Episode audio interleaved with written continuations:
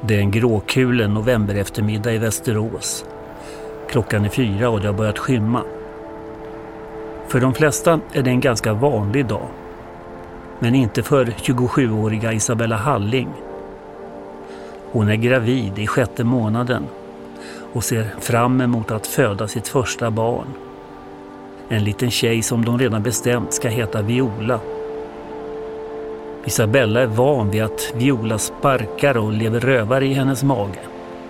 Men nu känner hon att något inte stämmer. Hon känner inga sparkar. Isabella har precis smsat sin sambo Oskar och berättat att hon måste åka in. Något är inte som det ska. Med växande oro parkerar hon bilen utanför Västmanlands sjukhus och letar sig fram till förlossningsavdelningen. Där blir hon snabbt undersökt med ultraljud. Beskedet hon får är oerhört omskakande.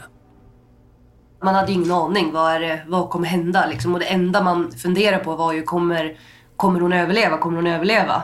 Och hur ska vi förhålla oss om Viola inte klarar det här? Att faktiskt behöva begrava sitt barn som man aldrig har träffat. Du lyssnar på berättelsen om exitoperationen. Vårt ofödda barn kommer inte kunna andas. En dokumentär från Karolinska Universitetssjukhuset.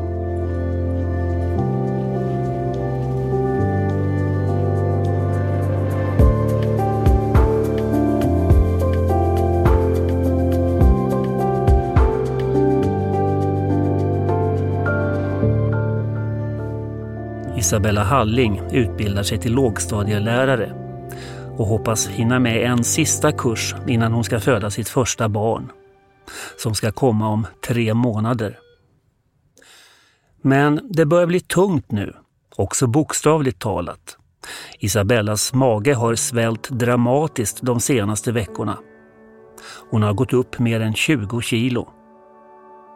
Fast jag försökte till slut att liksom börja nästan gå, inte gå på diet, men jag fick verkligen tänka på vad jag åt och jag gick och simma och sådär. Men fast jag gjorde det så gick jag ju upp ett par kilo på liksom en dag. Så att det, var, det gick fort. Så att jag var ju väldigt, väldigt stor. Det var ju en på Pressbyrån dagen innan som frågade “Ja, ska du föda snart?” “Ja, jo imorgon men det är nio veckor för tidigt”. Så att eh, det var lite ett perspektiv på hur, vilken kula jag hade. I början skojar Isabella själv friskt om sin jättelika gravidmage. Men ganska snart känns det inte lika roligt längre. Hon börjar få buksmärtor och allt svårare att gå. Och just den här novemberdagen känner hon också något annat där hon sitter och försöker plugga. Barnet som tidigare varit så livligt och sparkat mycket i Isabellas mage känns nu märkligt stilla. Isabella får en känsla av att det är något som inte är som det ska. Något som senare ska visa sig vara skrämmande sant.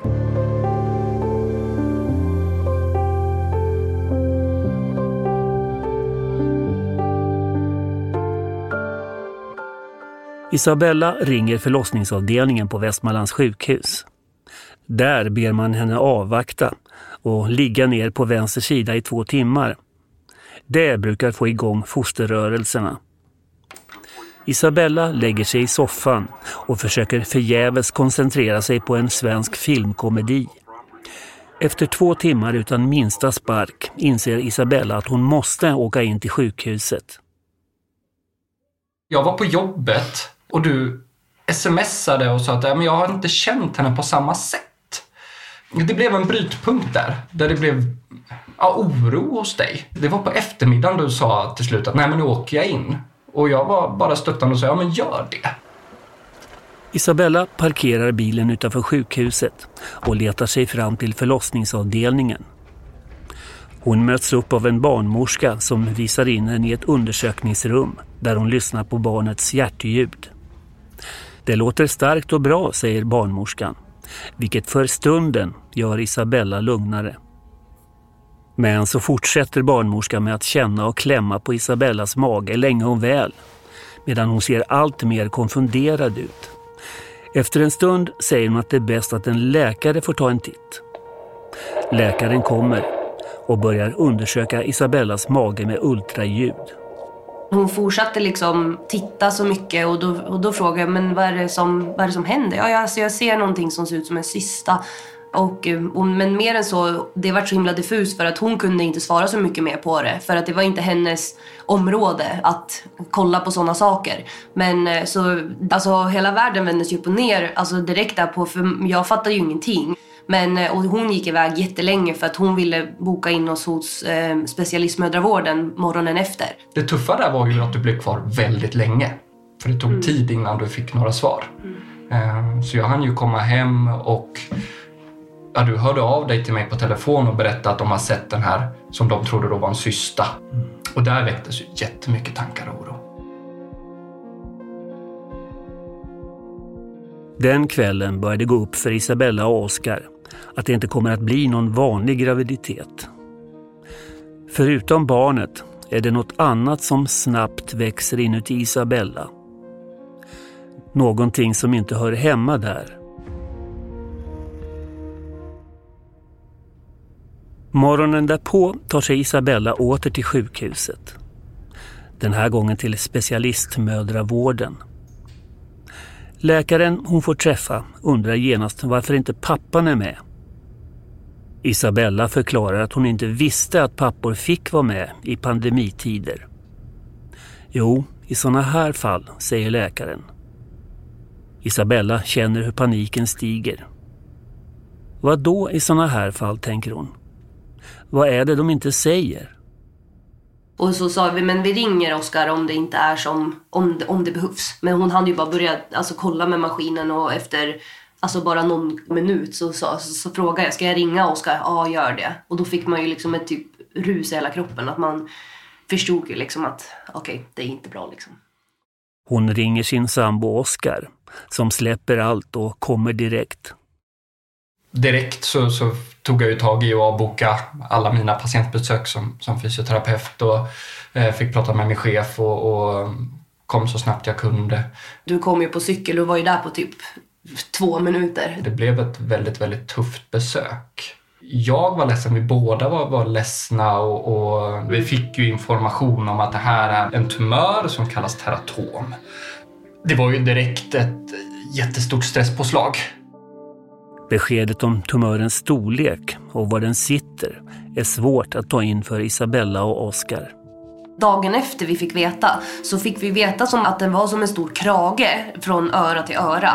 Men alltså, vi fattade nog fortfarande inte att den var så himla stor. Och just det här att den sitter på utsidan och stack ut så mycket. Alltså det, även fast vi fick veta så tror jag vi uppfattade ändå inte det där och då. Redan på specialistmödravården i Västerås så fick vi mått på den. Men, men att sätta de måtten i relation till hur stort ett huvud på ett för tidigt fött spädbarn är och, och andra sådana aspekter var, var jättesvårt. Mm.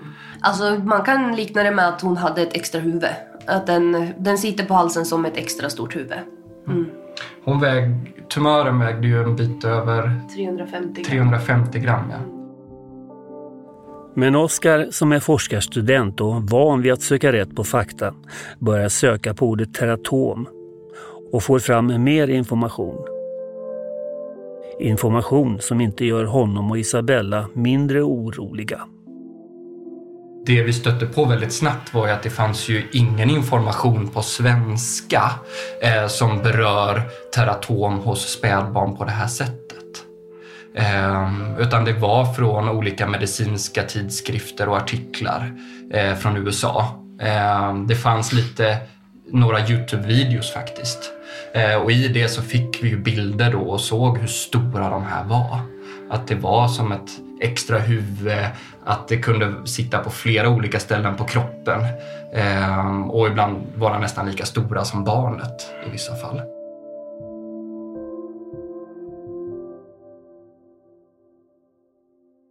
Ordet teratom kommer av det grekiska ordet för monster och är en tumör som bildas av tidiga celler i fosterstadiet, så kallade embryonala celler. Den kallas också tvillingtumör och kan innehålla både hår, tänder, brosk och naglar. I de flesta fall ligger tumören dold inne i kroppen och börjar inte växa förrän senare i livet, då den kan opereras bort men teratom kan också, som i fallet med Viola, börja växa explosionsartat i fosterstadiet. Då kan det bli ett direkt hot mot barnets liv. Det visar sig att tumören är stor och täpper till Violas luftvägar. Så länge hon är i mammas mage får Viola syre via navelsträngen. Men om hon skulle förlösas på vanligt sätt skulle hon inte kunna börja andas själv utan kvävas till döds.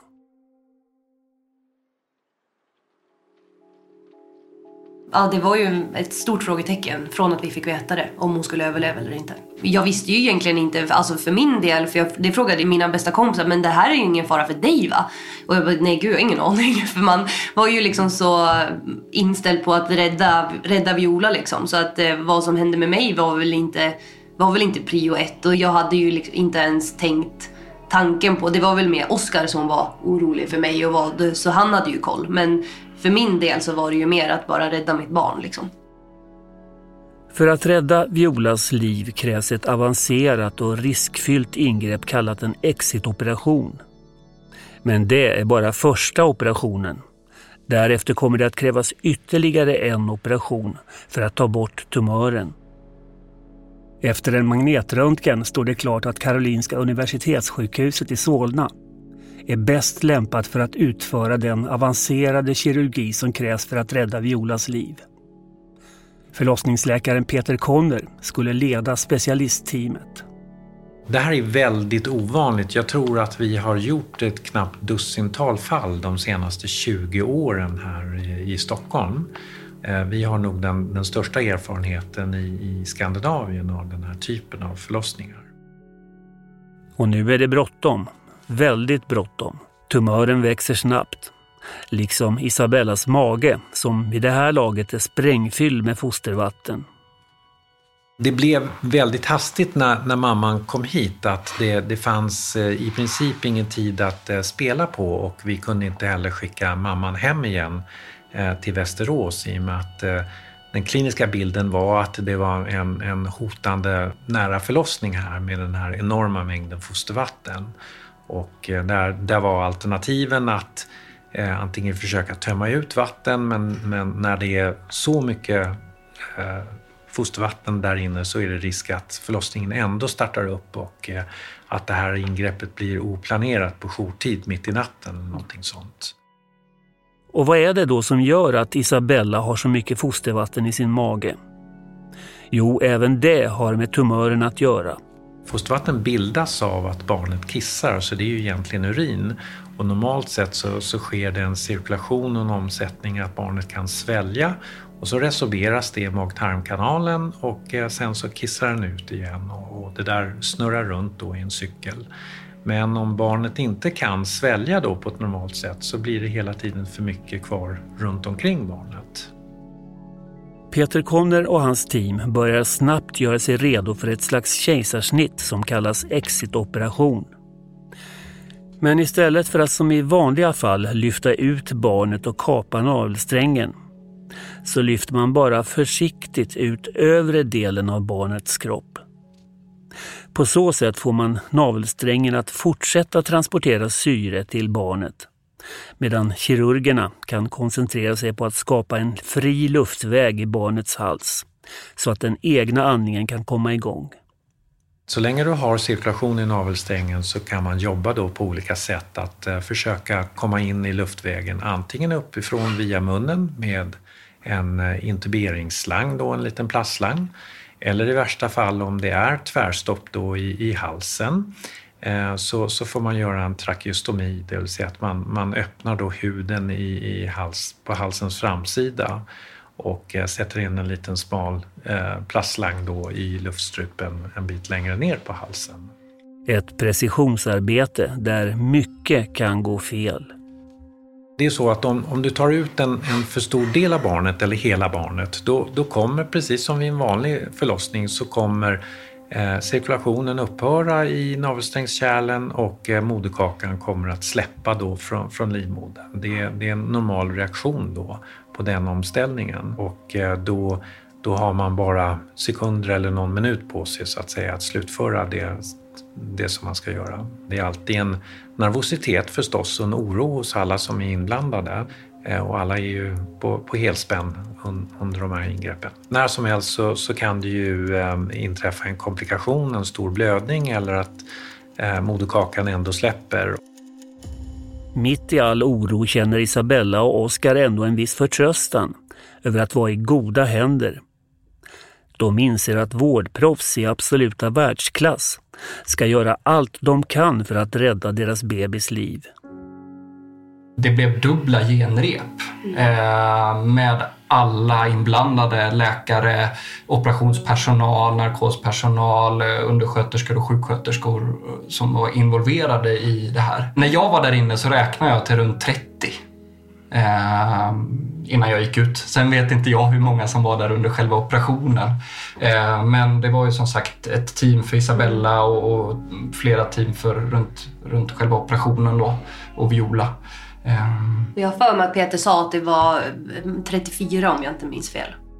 Det är väldigt trångt i de här operationerna och därför så, så måste man träna innan ingreppet att man, man har olika lag som, som så att säga går in vid vissa givna tidpunkter och att man inte står och blockerar vägen för varandra. Eh, för att eh, målet som alla jobbar med är en liten yta på bara några centimeter Eh, i, i eh, diameter då, det vill säga det, det här lilla barnets eh, luftväg. Eh, och eh, stora vuxna människor kommer att vara ganska klumpiga i den situationen och blockera för varandra. Så att alla kan inte stå framme vid bordet samtidigt utan man måste gå lite fram och tillbaka beroende på vilka arbetsuppgifter man har just där och då. Till slut är stunden inne. Operationspersonalen samlar sig för uppgiften och det är dags för Isabella att sövas. Vad var det sista vi sa innan, du, innan jag sövdes? Det var väl att du... Jag älskar dig och jag pussade dig på pannan innan ja. du somnade. Ja. ja, men det kommer jag knappt ihåg. Därefter får Oskar lämna operationssalen. För honom vidtar en nervös väntan i ett annat rum. I och med att det var så pass många och den här exitproceduren då är så avancerad eh, och det är ett ganska stort operationssnitt med pumpandet av fostervattnet och så mycket folk runt omkring eh, så var det bestämt att jag får gå ut och vänta. Eh, så jag hade en, en, eh, en sjuksköterska som stöttade och hjälpte mig eh, genom hela den här stunden som var, den långa väntan. Så jag fick ett eget rum och blev hela tiden informerad och uppdaterad kring hur det gick.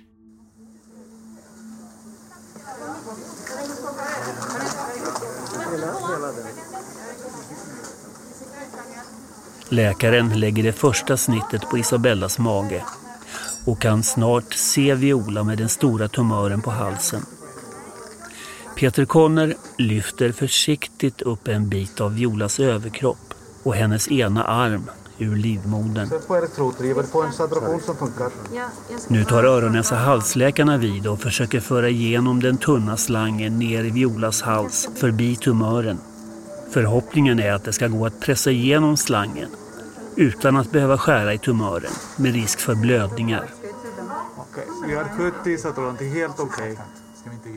Till slut är operationen klar och läkarna kan kapa navelsträngen och Viola börjar få syre via sina egna lungor. Och alla som kämpat för Violas liv kan andas ut. Tillfälligt.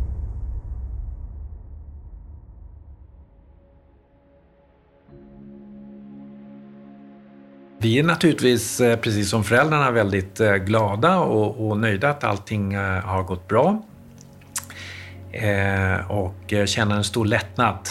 Som väl var så gick det då Eh, med hjälp av diverse eh, instrument och väldigt kompetenta öron-näsa-halsläkare här då så gick det att få ner en, en, en slang via munnen hela vägen ner då i, i luftstrupen och kunna då etablera en fri luftväg och kunna ventilera barnet. Och, det har kunnat födas utan att få en, en hjärnskada av syrebrist då, som, som annars finns det en risk. Isabella sover fortfarande tungt och kommer inte att få det glada beskedet än på några timmar. Men nyblivne pappan Oskar får träffa sin dotter Viola nästan direkt. När jag tänker tillbaka på absolut första mötet med henne så var det bara fokus på, på henne som person, på lilla Viola som låg där. Eh, och känslan var bara kärlek och, och hur vacker hon var och det här är vårat barn. Att bara få, få känna henne, att känna hennes lilla hand var det absolut första jag fick göra. Mm. Eh, att kunna få pussa henne på pannan för första gången. Eh, och så otroligt att, att det går att göra trots att det är så kritiskt. Trots att hon ligger intuberad och har en maskin som, som gör att hon kan andas. Utan den kan hon inte leva. När Isabella vaknar upp från narkosen får hon veta att allt gått bra. Det första de sa var ju inte att hon överlevde utan jag fick ju fråga hur har det gått? Ja, hon, hon har klarat det. Och det var ju liksom det var nog det sjukaste jag har varit med om i mitt liv att få det beskedet. Det var alltså en lycka. Man fattar, man fattar liksom ingenting. Och sen träffade jag ju inte henne förrän på eftermiddagen vid fyra. Så det blev ju många timmar för mig. Men det var jag låg ju på uppvaket och behövde ju ligga där och vakna till. Och redan samma kväll kan Isabella och Oskar uppleva de första stunderna av föräldralycka tillsammans med sin dotter. Även om det känns svårt att inte kunna hålla om henne. Viola ligger i kuvös och med slangar och sladdar kopplade till sin lilla kropp. Vi kunde öppna taket och öppnade på sidorna och så man fick ju vi fick ändå chansen och möjlighet att pussa på henne och vet det, läsa för henne och sådär. För vi fick ju inte ha henne på oss de första tio dagarna. Så att eh, vi försökte göra allt vi kunde för att knyta an till henne och skapa en relation och ja, för att hon skulle känna och veta att vi var där. Liksom. Du hjälpte ju till redan första, alltså på eftermiddagen där hjälpte ju du till att byta blöja. Byta blöja och jag, mata. Ja, mm. Men jag kunde ju inte göra det. Jag, jag låg ju i en, jag, jag var ju med men jag låg ju i en säng och kunde ju, det var ju efter operationen så jag kunde inte röra mig. Ja, men där det var, var vi, vi väldigt noga ju... med och fick mm. jättebra instruktioner och hjälp och stöd från personalen. Hur ska vi hantera och hålla och stötta upp på olika sätt. Och, ja, vilka sladdar är jätteviktiga och vilka sladdar kan man plocka bort och sätta tillbaka om man säger så. Mitt i lyckoruset är det svårt att tänka bort den stora klumpen på Violas hals. Hur ska de nyblivna föräldrarna förhålla sig till den? Att tänka bort den är svårt. Den är ju en ganska stor del av hennes kropp. Vi, alltså jag pussade ju på tumören redan första kvällen då när jag träffade henne och det kändes ju konstigt. Alltså det blev ju liksom, men det fick man ju göra. Men eh, det, det var ju väldigt, ja, det var mycket känslor i det. Men det blev, den var ju där på henne och det var liksom, det, det kändes som att det var bara naturligt att pussa på den och pussa på henne. Men snart sjunker det in. Krisen är långt ifrån över. Den kanske mest riskfyllda delen återstår. Efter exitproceduren mm. så andades vi ut. Mm. Det var som att nu är hon här, det är våran vackraste lilla prinsessa. Trots att det fortfarande var väldigt kritiskt och det var väldigt instabilt och, och tumören började ju svälla så det var mycket kontroller och mycket medicinskt och se hur mår hon, vad är status, är hon redo för operationen eller inte? Och, och successivt så kom ju det ikapp oss. Att mm. oj, hon ska ju faktiskt opereras. Och det är ingen liten operation. Det var extremt mycket blodkärl i den här tumören och som vi förstod och fick det förklarat av läkarna så är det en av de mest kritiska bitarna i operationen. Mm. Eh, och om jag minns rätt så pratar man om att en sån här liten bebis har runt två deciliter blod och att du kan inte byta allt blod. Utan hon får inte förlora så mycket blod så att ja, hon kommer i så fall inte klara operationen. Och efter fem dagar är det dags för nästa mardröm. Nu ska tumören som hotar Violas liv opereras bort. Och hennes liv ska ännu en gång hänga på en skör tråd. Vi ville inte se när de rullar iväg henne. Det kändes liksom för hemskt. Men att pussa henne hej då och att hon ska på operation, det var också... Alltså det, jag, vet inte, liksom, jag vet inte vilket moment man ska säga var värst. För att det, när man pratar om ett, ett moment så blir det det här är värst. Men sen när man kommer till nästa så nej det här är värst. Så att det har ju varit så många olika sådana moment som har varit väldigt kritiska och jobbiga och bara helt fruktansvärda. Nu sätts operationsteamets samarbetsförmåga åter på hårt prov. Var och en kring operationsbordet måste veta exakt vad den ska göra och när. Framförallt gäller det att till varje pris undvika det virvar av blodkärl som löper igenom den stora tumören. Ett felaktigt snitt kan orsaka en stor blödning och allt kan vara över. Det var mycket kartläggning och många diskussioner om hur skulle de kunna få bort den här tumören på Och bästa vilka- sätt. Vilka kärl var mest kritiska och sådär. Mm. Eh, och um, den oron växte ju dag för dag för dag samtidigt som man bara ville att dagen skulle komma när man skulle ta bort den här dumma tumören. Men rädslan var ju också där att ja, vi kan förlora henne. Eh, och det upprepas på nytt en, en, en oro som inför första exitoperationen. Man hade ingen aning. Vad, är det, vad kommer hända? Liksom. Och det enda man funderade på var ju kommer, kommer hon överleva? Kommer hon överleva? Och hur ska vi förhålla oss om Viola inte klarar det här? Att faktiskt behöva begrava sitt barn. Efter fem timmar är operationen över. Man har lyckats undvika blödningar och Viola är fri från tumören. Ja, och just det där att efter operationen möta henne och hela tumören är borta. Och, och möta läkarnas glädje i att de ja, känner en enorm lycka och, och att man ser att de har lyckats. Eh, Ja, var, var helt otroligt. Ja, för de är ju lika stolta över alltså, deras arbete och över Violas insats. Och ja, hela processen är ju liksom bara så ja, fantastisk. Ja, ja. Isabellas och Oskars lycka och tacksamhet känner inga gränser. Och det är inte bara operationsteamets insats som Isabella och Oskar är tacksamma för. Ellen Hemmarö var en av de sjuksköterskor på Karolinskas neonatalavdelning som fanns där för att stötta de nyblivna föräldrarna och få dem att härda ut under de kritiska dagarna. Det man möter mest är ju oro och och rädsla eh, hos föräldrarna. Eh, och det upplevde jag att det fanns hos både Isabella och Oskar.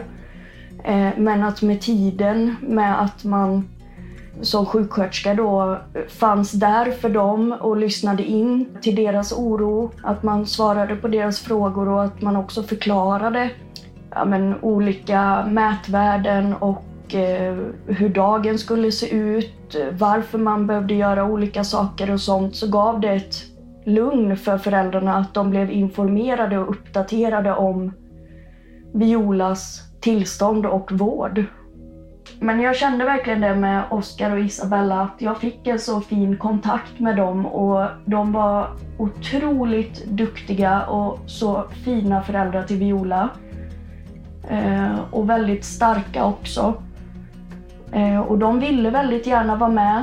Eh, de frågade ju också, minns jag, vad de kunde göra för Viola så att hon skulle få det bra. Och det svaret vi, man har till föräldrarna då när de frågar vad de kan göra, det är ju att de finns där för sitt barn. Att de är där och har händerna på sitt barn, att de sitter hud mot hud med sitt barn, att de är med och deltar vid omvårdnaden och att de pratar och sjunger för henne. Och det gjorde Oscar och eh, Isabella väldigt mycket. Idag är det inte mycket som skvallrar om dramatiken kring Violas födelse. Det enda är ärret på hennes hals. Men det kommer att synas allt mindre med tiden. Och att Viola än så länge är en smula liten för sin ålder. Men å andra sidan har hon kämpaglöd och envishet för två.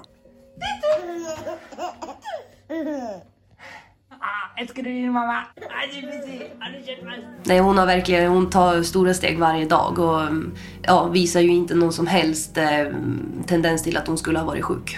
Redan tidigt så såg vi ju att det var en, en livsvilja. Ehm, hon var ju starkt sederad och hade starka smärtstillande läkemedel under tiden hon hade tumören. Men ändå så vid blöjbyten så sparkade hon och gjorde motstånd och visade sin vilja. Ehm, det har alltid varit ett go och en stark tjej. Så att det var våran Pippi Långstrump. Eh, och hon är fortfarande våran Pippi Långstrump. Eh, och hon tvekar aldrig eh, när det kommer till att få sin vilja igenom och göra det hon vill. Äntligen har man kunnat lägga traumat bakom sig och börja leva som vilken liten familj som helst. Vad gör ni om dagarna? Ja, vi är en del på öppna förskolan. Vi eh, brukar ute och träffa lite, lite kompisar. Och, men det har vi ju börjat med nu ganska nyligen. Så att hon håller ju fortfarande på att lära sig och le, leka med andra barn. Och varje fredag går vi på babysim. Så det är, hon är en riktig, en riktig haj. Hon har precis fått två tänder också så vi brukar kalla henne för Lögahajen. Lögahajen? Lögahajen, för badet heter Lögarängen. Men Isabella och Oskar kommer aldrig att glömma alla de hängivna och kompetenta läkare, sjuksköterskor och annan vårdpersonal som de har att tacka för att Viola lever idag. Jag skulle vilja lyfta hur duktiga de har varit på att se oss som föräldrar. Mm. Eh, och framförallt också mig som pappa i den här situationen. Eh, hur de har involverat oss från steg ett och sett till våra behov som människor eh, och som föräldrar eh, i den här situationen. Eh, och jag är enormt tacksam över den vägledning och guidning vi har fått Eh, för att vi ska må bra i oss själva men också kunna bli så bra föräldrar som möjligt till Viola.